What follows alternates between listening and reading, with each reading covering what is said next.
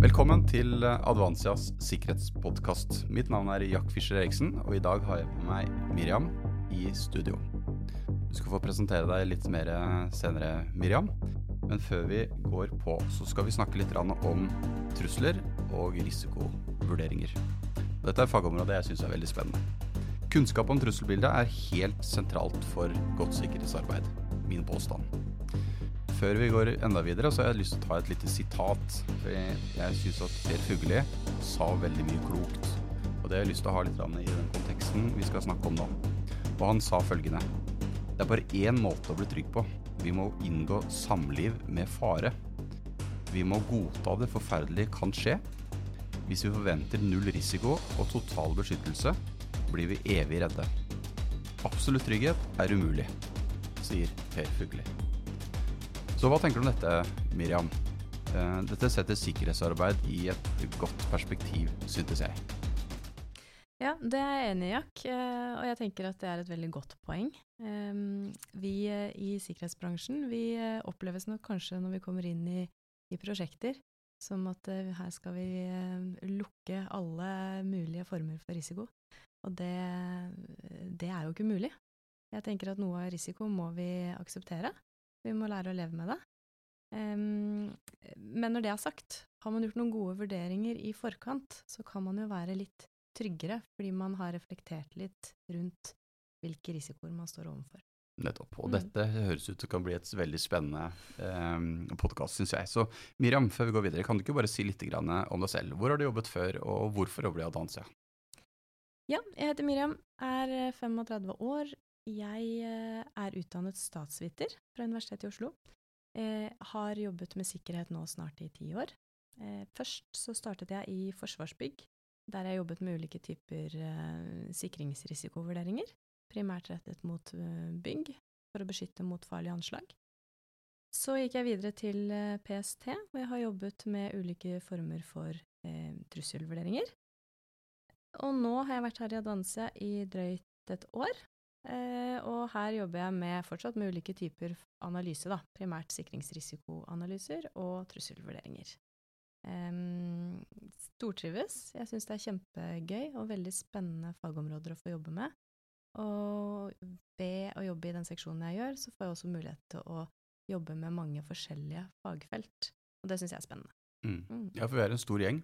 Vi er en flott gjeng, syns jeg. Og vi har spisskompetanse innenfor mange fagområder. Og det er jo det teamet som vi ønsker å presentere til også kundene våre, hvor vi har eh, spissfaglig eh, kompetanse innenfor mange områder. Og der er jo du eh, ofte leder av slike prosjekter også. Vi skal litt tilbake til det sitatet vi hadde i stad. Og da snakker jo Per Fugli en del om trygghet. Men vi bruker jo ofte i vår betegnelse så er vi på sikkerhet, altså det engelske ordet security. Å skille mellom security og safety er jo egentlig to fagområder også. Eh, men vi skal litt mer om security, altså i dag. Eh, så god kunnskap om truslene er jo viktig for å kunne sikre oss. Så hvordan går man fram, eh, Miriam, for å få kunnskap om trusselbildet? Dette er jo ferskvare, vil jeg tro. Det er mitt favorittuttrykk, det er at trusselvurderinger er ferskvare. Det, det er ikke noe tvil om det. Det viktigste her er jo at uh, en virksomhet uh, gjør seg godt kjent med det trusselbildet de står overfor. Uh, og for å gjøre det, så er det jo veldig mange kilder der ute man kan benytte seg av. det finnes mange gode åpne vurderinger som publiseres av uh, bl.a. PST, Etterretningstjenesten, Nasjonal sikkerhetsmyndighet. Um, sånn at det er første steg i å gjøre en trusselvurdering. Det er å gjøre seg kjent med, med det trusselbildet som beskrives uh, på nasjonalt nivå, da. Mm. Så uh, handler det selvfølgelig mye om å holde seg oppdatert på hvilke store og små hendelser som finner sted, både i Norge og internasjonalt. Eh, da får man et godt overblikk totalt sett mm. over trusselbildet. Og Det er det jo bare for lov å bryte inn der, da, for nå ble jeg veldig engasjert, kjenner jeg. fordi det å holde seg oppdatert, mm. Det er også kanskje litt av utfordringen. At mye av de hendelsene vi har, de blir ikke skrevet om. Eh, de er ikke på førstesiden i avisene, og du må kanskje lete litt. Og mye av det ties jo også helt. Så kanskje litt av utfordringen er at kanskje mange virksomhetsledere tenker at dette skjer jo ikke. Vi leser jo ikke om det, men det står i vurderingen, men det gjelder kanskje ikke meg. Mm. Der tror jeg det er eh, en stor utfordring, rett og slett. Fordi at eh, når disse nasjonale trusselvurderingene presenteres, så beskriver de jo ofte et trusselbilde som kan være retta mot spesifikke sektorer, f.eks. Problemet er jo at de blir kanskje litt for generelle, eh, nettopp fordi man ikke kan gå spesifikt inn på konkrete hendelser mot konkrete eh, virksomheter. Og da eh, tror jeg rett og slett gapet blir litt for stort fra den enkelte virksomhetsleder til eh, de nasjonale vurderingene som, eh, som presenteres. Mm. Men her kommer du inn i bildet, som har jobbet med dette over lang tid. Mm. Og jeg tenker at det å kunne lese mellom linjene, eh, både i det som skrives om i media, men også i disse eh, nasjonale vurderingene, det gjør vel at du er veldig god på dette her, for du kan få sette det i en kontekst av den virksomheten vi jobber for. Mm. Altså hva betyr dette for den virksomheten vi nå skal jobbe sammen med? Ja, og det tror jeg er, eh, er helt sentralt her. Um, fortalte jo litt i stad på en måte rundt hvordan man kan gå frem for å gjøre en trusselvurdering. Men det som blir da neste steg når man har dannet seg et godt innblikk over det nasjonale trusselbildet, så handler det jo om å gå inn og se på virksomheten og, og særegenheter ved den. Um, hva slags marked opererer de? Hva slags sektor opererer de? Eh, hva slags uh, type utstyr er det de oppbevarer i sine lokaler?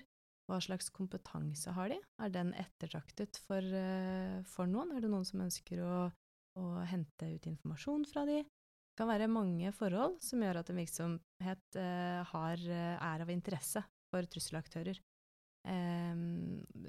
ulike typer trusselaktører, vel å merke, da. Mm. Kriminelle, etterretningsaktører eh, osv. Sånn at um, Da tenker jeg at en av de trusselaktørene er jo innsideproblematikken. Mm. Og det skal vi komme tilbake til litt i en case. Så innsidere, eksempel, det er jo også en, en, tematikk som er veldig interessant å diskutere, uten at vi skal gå inn på det i dag. Men det er også mm. en sånn type trusselsituasjon um, som er veldig vanskelig å avdekke. Og det står det jo ganske mye om også i, i disse nasjonale vurderingene. Men det er vel vanskelig å finne fram til det, da. Er, har vi noen innsidere? Hvordan vurderer vi det? Uh, og hvorfor tror vi det, eller kan vi vite det? Dette er jo vanskelig. Men hvis vi, hvis vi ser litt i, uh, i, litteraturen, for å kalle det, litt på undersøkelser som gjøres i Norge, så har jeg selv vært med på å dra fram en rekke undersøkelser, og blant annet noe som heter Kriminalitet og sikkerhetsundersøkelsen. Der intervjues jo 2500 virksomhetsledere, både offentlig og privat virksomhet, og det er jo Næringslivets sikkerhetsråd som står bak det. Der sier faktisk Eh, kun eller Undersøkelsen sier at kun 28% av norske virksomheter gjør sikringsrisikovurderinger eller analyser. Det er ganske lavt tall. Hva tenker du om det? Jeg er helt enig med deg. Jeg må si at jeg hadde håpet at uh, det tallet var ganske mye høyere. Uh, en risikovurdering er jo et kjempeviktig verktøy for virksomheten for å avdekke hvilke, hvilke trusler og hvilke risikoer man står overfor. Og det er virksomhetens ansvar å, å håndtere det. Mm. Um, det betyr jo kanskje at det er ganske mange virksomhetsledere som lever uten å være bevisst sin risiko? Ja, det tror jeg. Um, og jeg tror uh, at det kanskje handler litt om at uh, hvis det ikke har skjedd noe, så tenker man at dette rammer ikke meg. Mm. Uh, vi ser jo ganske ofte at vi kontaktes av virksomheter fordi at de har hatt en hendelse. Så ser de plutselig behovet for å gjennomføre en, eh, en sikringsrisikoanalyse. Mm. Uh, fordi at de ikke ønsker at det skal skje igjen. Og jeg tenker at uh, de kunne jo kanskje unngått at en hendelse skjedde i utgangspunktet, hvis de hadde gjort det i forkant. Så det er egentlig forebyggende arbeid satt i et system, da. Rett og slett. Og det som er enda mer skremmende, syns jeg, er at uh, hvis vi ser bak de 28% som gjør analyse, så er de offentlige mye mer flinke enn de private. Eh, innenfor det offentlige så er det 58 som gjør sikringsrisikoanalyser, mens det er kun 22% innenfor det private. Og det er klart at det, I Norge så er det mye små og mellomstore virksomheter, SMB-markedet, hvor, hvor, de fleste har færre enn ti ansatte. Så det er jo ikke meningen å gjøre det. Men likevel, man behøver ikke gjøre en, en, analyse som er ekstremt oppfattende. Det er vel det å klare å bare gjøre noe som gjør at du klarer å finne litt om din risiko, kanskje. Ja, og jeg tenker det handler jo om uh, i første omgang å identifisere hvilke verdier er det virksomheten har. Hva er det som er spesifikt for din egen uh, virksomhet, hva er det du trenger å beskytte? Mm. Uh, og det er helt avgjørende, fordi hvis du ikke har gjort det, så, så blir det vanskelig å oppnå riktig og hensiktsmessig sikring. Mm. Um, når man har gjort det, så, så vet man kanskje litt også om eh, hvilke trusselaktører som er interessert i de verdiene du har, da. Nettopp. Mm. Og til trusselaktører igjen, og den siste statistikken jeg skal dra fram nå. I samme undersøkelse så stiller man også spørsmål hvor mange er det som faktisk tar i bruk eller leser eh, undersøkelsene til PST, og der svarer kun 17% at de har lest vurderingene. Det er også et ganske lavt tall. Må man kommunisere på en annen måte for å få mer oppmerksomhet fra bedriftsledere, kanskje, eller eh, er det ikke interessant? Jeg tror eh, det er litt sånn todelte her. fordi når de nasjonale vurderingene presenteres, så får jo de ganske mye oppmerksomhet. Det er eh, store oppslag i media. eh, Det er ganske mye debatter, og det produseres kronikker. Og for oss som er i bransjen, så er det jo definitivt noe vi, vi prater om og er opptatt av. Mm. Men så er det det gapet igjen, da, ikke sant. At jeg tror virksomhetene opplever at det kanskje er litt fjernt fra de. Em, men når det er sagt, så, så er det vel en annen dimensjon her òg. Og det, jeg opplever jo ofte når jeg er hos våre kunder, at også de som ikke har gjort, skrevet en trusselvurdering eller eh, en sikringsrisikoanalyse, det, det betyr jo ikke at de ikke er opptatt av sikkerhet. De har jo gjerne gjort seg mange tanker om sikkerhet og om Mm. potensielle trusler de står overfor. Sånn at det er jo ikke det at de ikke har tenkt tanken, men jeg tror det handler om eh, mangel på kunnskap i virksomhetene, mangel på ressurser og tid til å, å sette av til å jobbe med dette her. Mm. Eh, og, og rett og slett det at det havner ganske langt ned på prioriteringslista. Ja, og der kan nok eh, mange kjenne seg igjen, så det er nok naturlig. Vi skal over på en liten eh, case, eh, og mange av våre oppdrag er jo både underlagt sikkerhetsloven og hemmelige og konfidensielle i forhold til de kundene våre, så vi utleverer ingenting som har med kundene våre gjøre. Men vi har jo vært borti i eh, oppdrag vi får, annet fordi man har en eh, innsidetrussel, eller man har avdekket noe på, innsiden. Og Da har vi snakket tidligere i podkaster om kommunikasjon, så det er en veldig vanskelig øvelse hvis du er på innside. Men her får du et oppdrag fra en kunde. Eh, Jeg vil nå gjennomføre en sikringsrisikovurdering eller analyse, og bruker jo mange tunge fagbegrep her. Hvordan går det fram? Eh, Hvordan bygger du team, og hvordan leder du dette? Ja, det første jeg gjør er jo å hente gode kollegaer, fordi jeg tror eh, en sånn analyse kan man ikke sitte og gjøre alene. Her, er det, her må vi være et godt team, med all vår eh, bredde og ulik kompetanse. Det er kjempeviktig. Heldigvis så har vi mange forskjellige gode personer med god bakgrunn i, i vår seksjon, som kan hjelpe til med det. Eh, og den første tingen vi da gjør, som jeg var litt inne på i stad, er jo å identifisere virksomhetens verdier. Mm.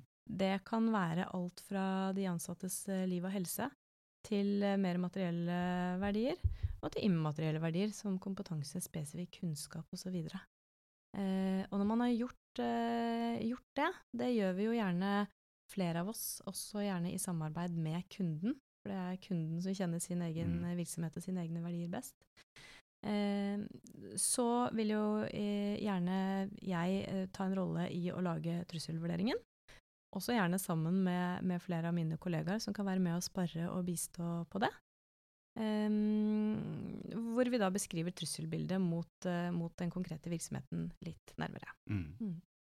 Og så er det en lang prosess etter det også, så vi vil ikke gå gjennom hele det. Men trusselvurdering her er også sentralt. Det er viktig at man eh, klarer å få en vurdering. Man kan bygge scenarioer, og så kan man finne sin risiko. Mm. Uh, og dette er jo spennende å jobbe med, vil jeg tro. Absolutt. Mm. Uh, og, og bare tilbake til de scenarioene litt igjen. De er jo helt essensielle uh, for å kunne jobbe videre med å belyse risikoen. Da. For når Mm. man har utarbeidet scenarioer, som egentlig er da en, eksempler på ulike utilsiktede handlinger, som vi bruker, da, Ja. som kan skje mot virksomheten, Mm. så har man et verktøy da for å kunne beskrive risikoen for eh, de ulike scenarioene. Det blir enklere for eh, virksomheten å kunne eh, se hele risikobildet, og velge da hvor stor del av risiko man ønsker å akseptere eller ikke. Mm. Mm. Nettopp. Så hvis vi skal gå mot en type avslutning, kan du gi meg eh, å oppsummere tre gode råd som du kan ta til eh, de som lytter til podkasten i dag? Ja. Da vil jeg først si at eh, lag deg en god trusselvurdering. Eh, bruk de eh, nasjonale trusselvurderingene som, eh, som, ligger der ute. Hent, hent, eksempler på det som ligger tilgjengelig og åpent. Og, og gjør en konkret vurdering for din egen virksomhet. Det andre tenker jeg er jo at når man har gjort en god, en god risikovurdering, så må eh, lederne ta resultatet av den innover seg. De må velge da hva de ønsker å gjøre noe med av risiko, og hva de ønsker å akseptere. Mm -hmm.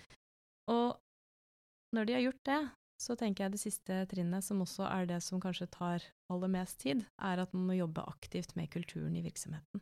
Mm. Eh, fordi, og der mener jeg lederne må, har et ansvar for å gå foran som et godt eksempel og vise at her tar vi sikkerhet på alvor. Og hvis ikke de gjør det, så kan man heller ikke nødvendigvis forvente at de ansatte prioriterer det. Nettopp. Og sikkerhetskull skulle jeg gjerne lagd en egen podkast om, så kanskje mm. vi gjør det senere. Nå skal vi avslutte. Takk for at alle har lyttet til oss. Jeg håper det har vært interessant. Jeg anbefaler alle å gå inn på advansia.no. Les mer om vår seksjon, les mer om våre ansatte, og ta kontakt med meg eller Miriam hvis dere lurer på noe. Takk for nå.